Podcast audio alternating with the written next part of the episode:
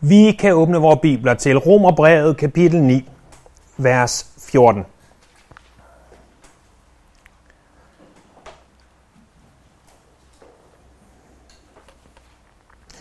I Romerbrevet kapitel 9, vers 14 læser vi ned til vers 18.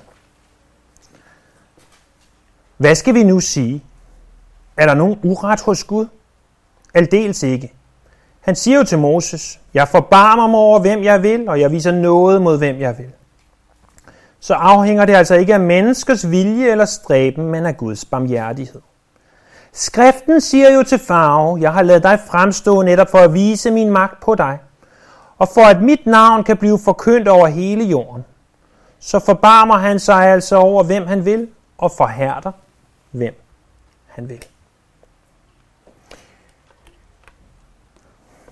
Paulus stiller spørgsmålet i vers 14. Er der nogen uret hos Gud? Eller sagt på en anden måde. Er det urimeligt, øh, at Gud han frelser på den måde, han gør? Er han fair? Øh, øh, når nu han udvælger nogen, og der er andre, han forbigår. Er, er det ret og rimeligt? Er, er Gud ikke ganske, ganske urimelig? Han, han stiller det her hypotetiske spørgsmål, og det gør Paulus mange gange. Han, han stiller spørgsmål, når nu at han godt ved, at vi har spørgsmål. Når nu han ved, at øh, folkene i Rom, de vil have spørgsmål. Han siger, hvad, hvad skal vi sige? Hvad skal vi nu sige? Øh, øh, vi må konkludere, at når han siger, hvad skal vi sige, så siger han det på baggrund af det, der lige er sagt. Hvad skal vi sige? Oven på det, jeg har hørt, oven på den øh, forklaring, jeg lige er kommet med, hvad skal vi sige? Øh, hvad, hvad skal det her betyde? Det betyder, at den korrekte forståelse af versene 6-13 må være noget, der leder os til at stille spørgsmålet, jamen er Gud uretfærdig? Er Gud urimelig? Hvis din forståelse af vers 6-13 ikke er, at du i kødet tænker, det, det er da helt urimeligt, så er din forståelse ikke korrekt. Den bliver nødt til, når du læser vers 6-13, at røre noget i dig, der tænker, nej, det kan ikke være rigtigt. Og alligevel så slår Paulus fast, jo, det er rigtigt. Men, men inden vi kommer til, øh, hvorfor det er rigtigt, så, så lad os først mindes, hvad det er, vi har hørt for snart mange uger siden i vers 6-13. Og, og vers 6-13 af Romerbrevets 9. kapitel begynder helt tilbage i Romerne 8, 28-30. De her er så vigtige, vigtige vers for vores forståelse af, hvordan Gud han frelser os. I, i Romerne 8:28, øh, som mange af os nok næsten kan udenad, der står, vi ved, at alt virker sammen til gode for dem, der elsker Gud, og som efter hans beslutning er kaldet. Og så forklarer han, hvad det vil sige, at vi er kaldet. For dem han forud har kendt, har han også forud bestemt til at formes efter sin søns billede, så at han er den første fødte blandt mange brødre, og dem, som han forud har bestemt, dem har han også kaldet, og dem, han har kaldet, har han også gjort retfærdige, og dem, han har gjort retfærdige, har han også herliggjort. Så, så, så når han siger det her, han gør i kapitel 9, så er det fordi, han startede i kapitel 8 med at sige noget, og så uddyber han det i kapitel 9. Hvad er det, han siger i kapitel 8? Han siger, at der er nogen, som han forud har kendt. Det ord kendt, det kender vi tilbage fra 1. Mosebog, kapitel 4. Og hvis nogen af jer svæver til den gode gamle oversættelse fra 1930'erne, øh, så står der i den, at, at øh, Adam kendte Eva, og de fik en søn. Og jeg behøver ikke forklare jer, hvad det vil sige, at han kendte Eva. Det var ikke, fordi han lærte hende at kende den dag. Han kendte hende så godt, så de fik et barn ud af det. At, at kende. Når Gud kender os, så er det, fordi han elsker os. Når, når der står, at Gud forud har kendt os, så er det, fordi han forud kaster sin kærlighed på os. Han har forud elsket. Der er en gruppe af individer, som han før tiden valgte at kaste sin kærlighed på. Og dem står der så, at han forud bestemte. Han forudbestemte dem til at blive frelst, således at de vil kunne i løbet af deres øh, liv og evighed blive formet ind i Jesu Kristi billede. Og, og når jeg først hører om forudbestemmelse, og at Gud har valgt mig, så bliver jeg sådan lidt forlegen og tænker, nej, tænk så, at Gud har valgt mig. Det, det, det, det er da utroligt. Det er da fantastisk, det er da mægtigt. Indtil jeg ligger i min seng der om aftenen og begynder at tænke på implikationerne af det. For hvordan kan jeg egentlig vide, om jeg overhovedet er forudbestemt til frelse? Og er der nogen, der ikke er forudbestemt til frelse?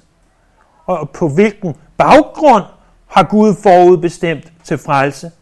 Og, og skal jeg gøre noget for at blive forudbestemt til frelse? Og hvis jeg ligger der længe nok, mange, mange flere spørgsmål. Øh, men Paulus var godt klar over, at de her måder at tænke på, det var den naturlige måde. At, at i kødet, der vil vi straks tænke, hvis der er forudbestemmelse til frelse, hvad betyder det så? Derfor kommer han så med kapitel 9. Og i kapitel 9, der indleder han de første fem vers med at understrege og sige, prøv at høre, jeg elsker stadig jøderne. Til trods for, at Gud nu har udvalgt flere end jøderne. Prøv, prøv at tænk på, at fra Abraham i år cirka 2000 før Kristus, og indtil Jesus bliver født, der er der et folk under solen. Et folkefærd af en bestemt familie, som er udvalgt. That's it. Kun jøderne. Så ved jeg godt, at nogen kunne sige, at vi vil tro på jødernes Gud, som Rahab gjorde det, som Ruth gjorde det, og, og flere andre. Men, men kun et folkefærd. Og så pludselig, øh, der med Peter og duen, der kommer ned, og Apostlenes Gerninger kapitel 10, så siger Gud, jamen nu vil jeg ikke kun frelse jøder. Nu vil jeg frelse folk af alle folkeslag. Og Paulus kalder sig selv for hedningenes apostel, og han drager til Europa og har været i Europa, og Rom ligger i Europa. Rom er ikke bare i Europa, Rom er centrum, ikke bare for, for Europa, men for hele den kendte verden dengang. Og hvad med jøderne så? Er de bare skubbet ud til siden? Nej, nej, siger, siger Paulus. Jøderne er ikke skubbet ud til siden. De kan stadig blive frelst igennem Jesus Kristus, vel at mærke. Jeg elsker jøderne, siger han i vers 1-5.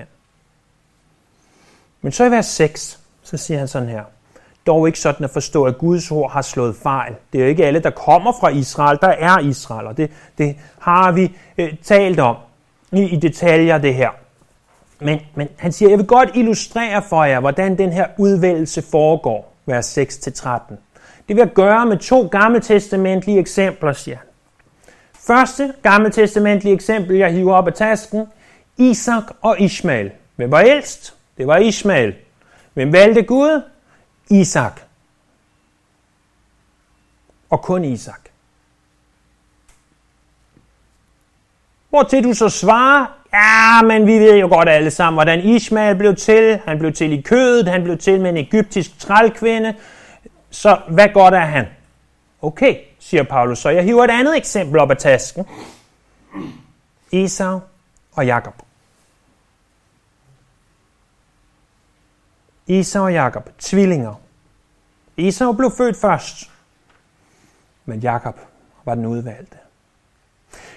Sidste gang vi var samlet om Romerbrevet, konkluderede vi ud fra det her fire forskellige ting om det her med udvælgelse. For det første, at udvælgelse er og bliver suveræn. Når Gud vælger mellem tvillinger, så er det tydeligt, at det er Gud, der besluttede, at det var Jakob og ikke Esau, der skulle udvælges. For det andet, at udvælgelse er forudbestemt. Det her skete, står der, inden de blev født. Gud valgte, inden de blev født, som også allerede er gjort klar i Romerne 8, 28-30. Øh, for det tredje, at forudbestemmelse er Guds beslutning at det ikke var på grund af gerninger, som Jakob gjorde, som Esau ikke gjorde, som du gør, som du ikke gør. Men for det fjerde, at udvælgelse også er begrænset. Her citerer han to steder. Øh, Første Mosebog, kapitel 25, vers 23, og, og det mest øh, kontroversielle, nemlig Malakias kapitel 1, vers 2 og 3, hvor i der står, jeg elskede Jakob, og jeg hadede Esau. Åh, oh, hvor har de ord voldt mange mennesker øh, bekymring og sorg for, for hvad betyder det? Hader Gud? Ja, Gud hader. Gud hader synd. Det gør han bestemt. Han havde også Esau. Ikke på den måde, som du og jeg vi hader, når vi hader nogen eller noget i vores kød. Men der står, han havde Esau. Øh, vi talte om, hvordan det ord havde også kan betyde elske mindre. Men det er det svære for vores retfærdighedssans nok ikke er sådan, det skal forstås i den her sammenhæng. Uanset hvad din konklusion og hvad din fortolkning er af det her, at Gud, øh, øh, jeg elskede Jakob, men havde Esau, uanset hvad din fortolkning og forståelse måtte være af de ord, så er der en eneste konklusion, der kan drages af det. Jakob var udvalgt. Esau var ikke udvalgt. Som jeg forstår det her, og, og vi har talt om mange gange allerede, så betyder det, at der var et menneske, Jakob, som Gud aktivt valgte. Og så var der et andet menneske, Esau, som Gud inaktivt fravalgte. Det, det er en vigtig, vigtig nuance. Gud sagde ikke aktivt, jeg fravælger Esau. Jeg dømmer ham til helvedes ild. Men han gik forbi ham, og derved inaktivt fravalgte han ham. Er, er vi oprørte endnu? Koger det inde i os? Tænker vi, det kan ikke være rigtigt, det kan ikke være rimeligt? Fordi hvis du har det sådan, så har du det præcis som Paulus forudså, at du vil have det. Han siger, er der nogen uret hos Gud? Er, er, er det her urimeligt? Er det unfair, som børnene vil sige? Det er unfair. Fordi Gud er jo kærlighed, og, og, og hvis Gud er kærlighed, kan han så ikke bare elske alle og kaste sin kærlighed på alle? Det, det vil da være godt. Men Paulus siger, der er ingen uret hos Gud. Aldeles ikke. Øh, de ord aldeles ikke er den stærkeste måde, hvor du, på du i det, på det græske sprog, datidens græske sprog, kunne sige nej. I, King James, oversættelsen fra 1611, den autoriserede engelske bibel, der oversatte man det, og valgte man at oversætte det, God forbid. Gud forbyde det.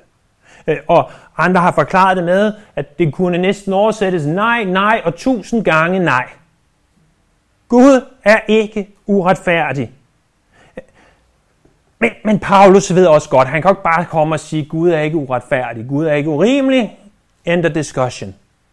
Det, det, det kan han ikke. Han, I stedet for så siger han, hvordan kunne Gud elske Jakob? Og så svarer han bagefter på, hvordan kunne Gud have Esau. I dag vil vi se på, hvordan Gud kunne elske Jakob. Det er vers 15 og 16. Det fortælles, at der engang kom en til Spurgeon og spurgte om det her vers 13, og, og siger, Mr. Spurgeon, jeg kan simpelthen ikke forstå det her, der står, hvordan Gud kunne elske Jakob, men så havde Esau. Hvordan kunne Gud have Esau? Hvor til Spurgeon i klassisk Spurgeon-stil svarede, Kære frue, mit problem er ikke så meget med, hvordan Gud kunne have Esau. Mit problem er først og fremmest med, hvordan kunne Gud elske Jakob. Hvordan kunne Gud elske Jakob?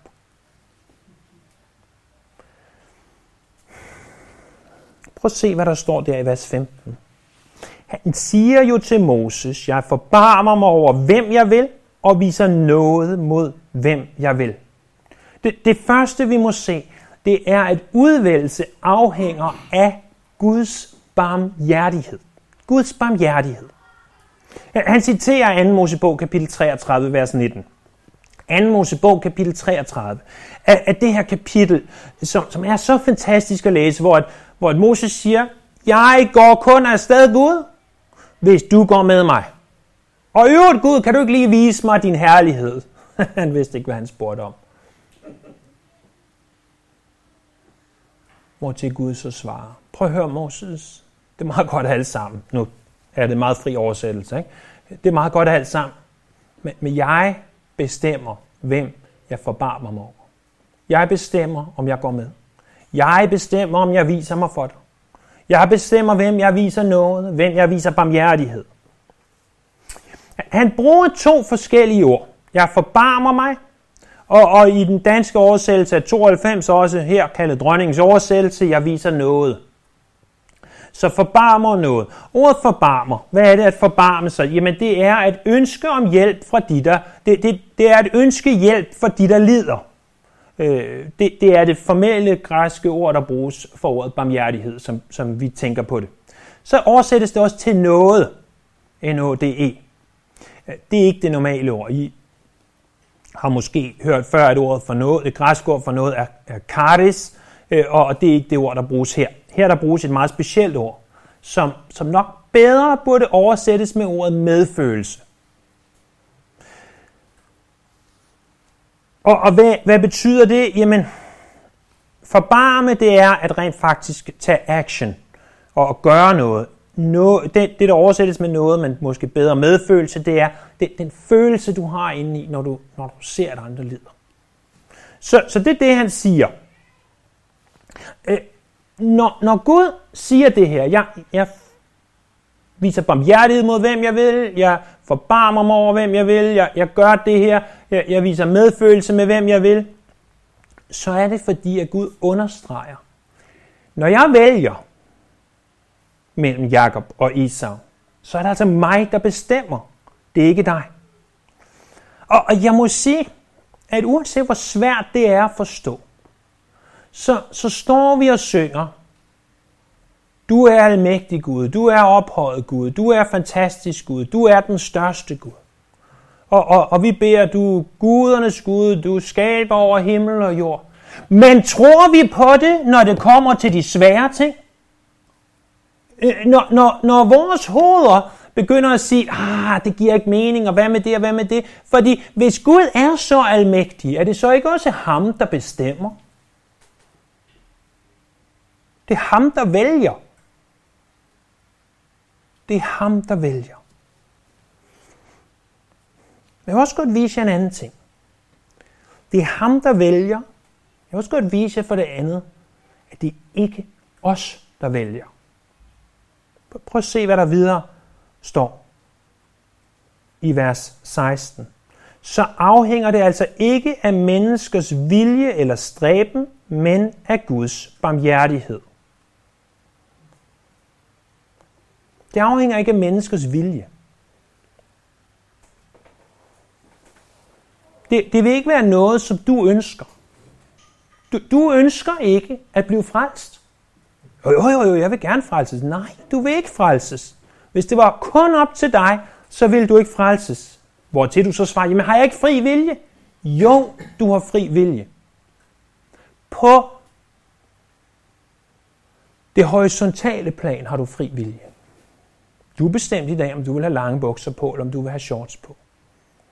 Du bestemte, om du vil have kjole på. Du, du, du bestemte, om du vil tage cyklen, bilen, toget, bussen. Det har du bestemt. Men du ville aldrig på 10.000 år bestemme dig for at tilhøre Gud, hvis det var op til dig. Hvorfor? Fordi den del, der har med Gud at gøre i dig, den del, hvormed du kommunikerer med Gud, den fødes du ind i den her verden med, hvor den er lige så død som en sild, der har ligget på land i et døgn.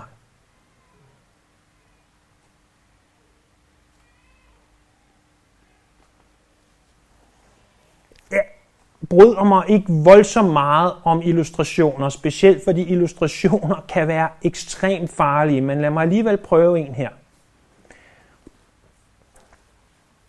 I hvad jeg ved om heste, så, så elsker de frisk græs. Og hvad jeg ved om relativt små drenge og store drenge og alle mulige andre drenge, så elsker de pizza. Ikke alle. Og, og jeg tænkte, nu googler jeg lige, hvad, kan en hest spise pizza eller ej? Og, og det kan den faktisk godt. Den er meget nysgerrig, står der, men den må ikke spise pizza. Så illustrationen, den holder allerede ikke helt her. Men, men lyt nu bare til den alligevel. En hest kunne sagtens spise en varm pizza. Men det kan godt af det, og jeg tror egentlig heller ikke, at den vil have voldsomt meget lyst til det, specielt ikke hvis den var rigtig varm. En dreng, og små, små drenge gør det, men ikke når de får, forhåbentlig ikke når de når en vis alder, kunne have sagtens spise græs. Det har I nok set dem gøre, men det, det er ikke noget, der er godt for dem. Der er hverken hesten eller drengen, og igen, det er en åndssvag illustration det her, men, men hverken hesten eller drengen ligger de i deres natur. At begynde for en, lad os sige, 10-årig dreng at gå ud på græsplænen og, og sidde og spise, som om han var en ko. Hvis han gør det, så har han et problem. Og, og hvis hesten begynder at sidde med sin kniv og gaffel, okay, hvis nogen sidder med en kniv og gaffel og skærer en pizza ud, har de et problem. Men, men, men hvis I forestiller jer bare for at gøre det så fjollet, så vi forstår det her, okay? Hvis hesten sidder der med sin kniv og gaffel og skærer pizzaen ud og begynder at tage stykker af pizza, brandvarm pizza, masser af skinke på, masser af, af ost på, måske ananas, hvis man er til det, på. Det, det, vi kan slet ikke forestille os det. Det ligger ganske simpelt ikke i deres natur. Kunne de? Teoretisk set, men det ligger ikke i deres natur.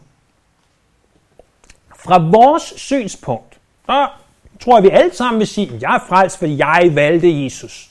Der var en dag, der var et tidspunkt, det er ikke sikkert, jeg ved, hvad tidspunkt det var, det er ikke sikkert, jeg ved, hvad dag det var. Der var en dag, hvor jeg sagde, Jesus, jeg vælger dig. Men jeg kan godt forklare dig, at sådan har det ikke foregået. For du ville aldrig på tusind år have valgt Jesus. Det vil svare til, at drengen begyndte at gå ud og spise græs. Det vil svare til, at hesten begyndte at spise varm pizza. I min tåbelige illustration.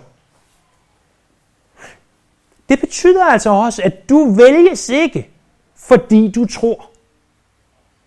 Forestil dig, hvis det var sådan, at Gud havde sin specielle kigger, den kigger vi andre nogle gange godt tænker os, og han tager kigger den op og kigger ud gennem tiden og ser, ikke hvad er lottotallene, men i stedet for, kommer Jackie til at tro en dag. Åh, oh, ja, det gør han. Så må jeg hellere forudbestemme ham. For hvis det var tilfældet, at Gud udvalgte dig, fordi du kom til at tro en dag, fordi der var en dag, du sagde, jeg vælger dig, Jesus, og altså, så må jeg hellere, hellere forudbestemme ham. Hvis det var tilfældet, så er det jo fordi, du tror. Så er det jo fordi, du har gjort noget. Er vi nødt til at tro for at blive frelst? Ja, så absolut. Det kommer vi voldsomt meget tilbage til i kapitel 10 af Romerbrevet. Så absolut. Men Gud vælger dig ikke. Gud forudbestemmer dig ikke til frelse, fordi du vil det, fordi du har troet, og fordi din vilje siger, nu vil jeg frelses. Gud forudbestemmer dig, fordi han vil det. Men der er også en anden ting, det ikke skyldes. Det skyldes ikke menneskers vilje, og det skyldes ikke menneskers stræben, står der videre i vers 16.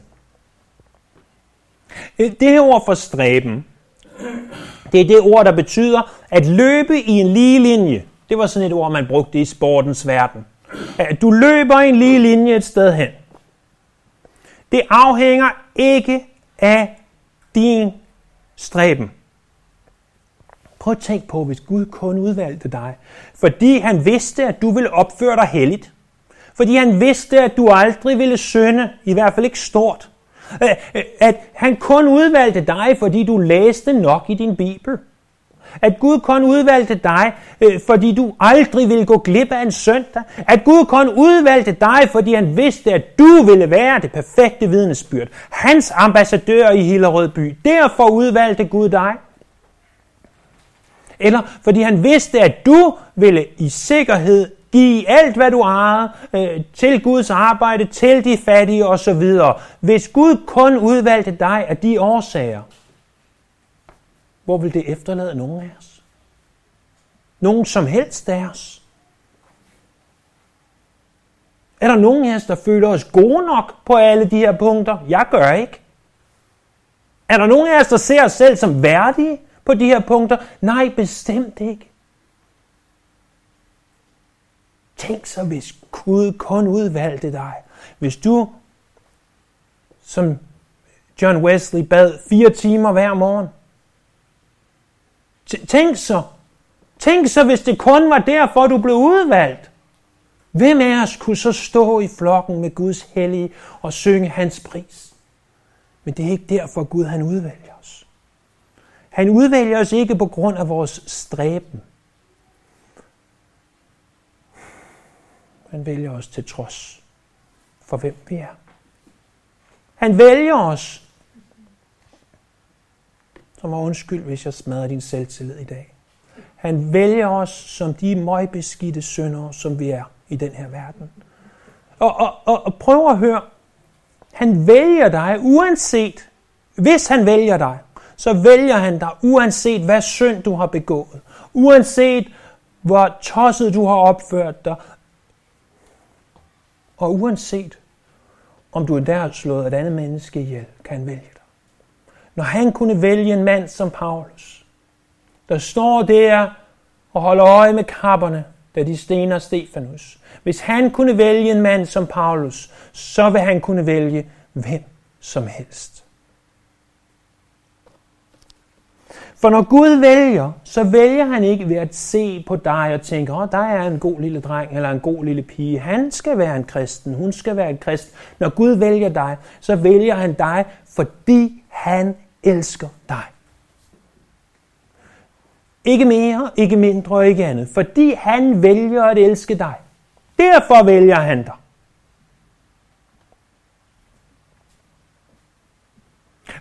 Hvordan kunne Gud elske Jakob, er spørgsmålet. Fordi, prøv, prøv lige et øjeblik, lad os lige huske tilbage til vores første Mosebog. Jeg håber, du kender første Mosebog i en eller anden grad. Heldigvis afhænger din udvalgelse ikke af, om du kender første Mosebog. Tak Gud for det. Men jeg håber alligevel, du kender første Mosebog og historien om Jakob bare en smule. Fordi, hvordan, som Spurgeon sagde, hvordan kunne Gud elske Jakob? Hvordan kunne han elske ham? Der var ikke specielt meget at elske i Jakob. Øh, Jakob, han var en, en møgung, for at sige det mildt. Han løj. Han bedrog sin far. Han flygtede. Han tog sig fire koner. Han sendte familien foran sig selv, da han følte, at han var i fare, da Esau kom imod ham. Gud skyldte ikke Jakob noget som helst. Øh, hvis det skulle have været ud af retfærdighed og ud af, hvordan Jakob havde opført sig, så kunne Jakob have gået samme vej som Esau.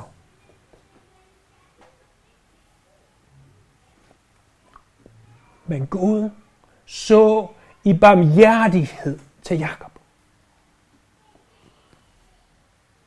Han, han tog Jakob ud af sin suveræne vilje og sagde, her er en mand, som jeg vælger at elske, til trods for, hvordan Jakob har opført sig. Gud skyldte Jakob intet. Men han så til ham i barmhjertighed. Han så ikke på Jakobs vilje. Han så ikke på Jakobs stræben. Han så kun Jakob. Og jeg er ganske, ganske taknemmelig for, at den, lad os kalde det dag, da Gud træffede beslutningen om at udvælge mig og dig, at så traf han ikke beslutningen under hensyntagen til, hvor lidt eller hvor meget jeg tror og hvor lidt eller hvor meget jeg læser min Bibel, eller hvor lidt eller hvor meget jeg beder, eller hvor lidt eller hvor meget jeg giver.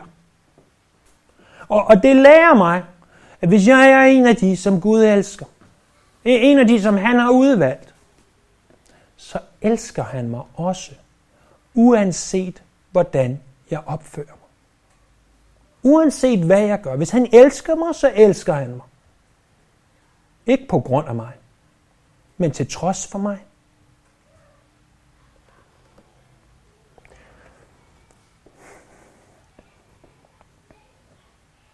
Ikke bare mit efternavn, Jakobs søn.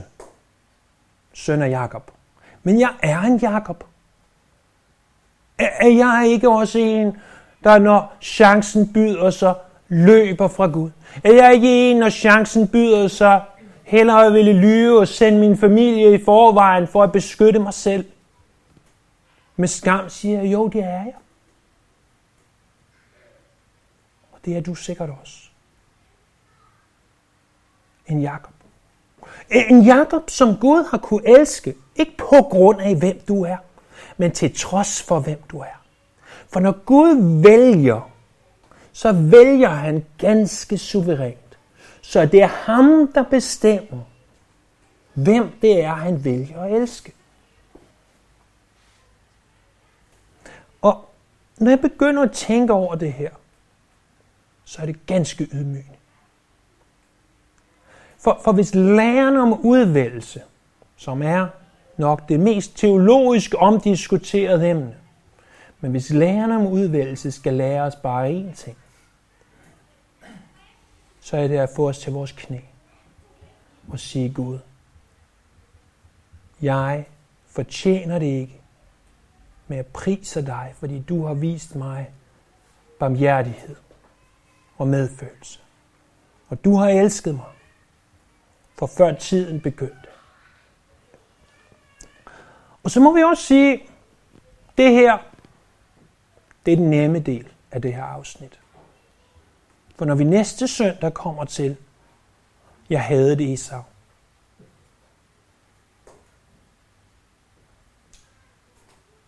så er det uden smil på læben. Så, så, så er det uden den samme glæde. Det, det er ikke nemt. Det er tungt. Men det er det, der står. Lad os takke og prise Gud, for at han har vist os barmhjertighed.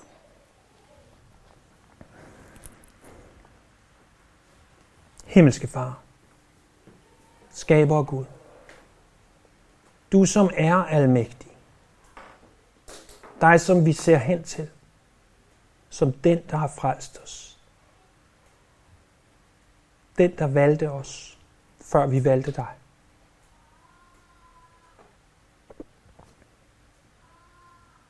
Vi tilbeder dig nu. Og jeg ved godt, det er svært, det her her. Jeg ved godt, at vi skal have tænkehatten på. Og, og, og vi skal lægge vores egen stolthed og hårdmod til side. For det afhænger ikke af os. Må vi se hen til dig her. I ydmyghed. I taknemmelighed. Og nok mest af alt. I ærefrygt. Vi lover dit mægtige navn. Du hellige, almægtige Gud. Amen.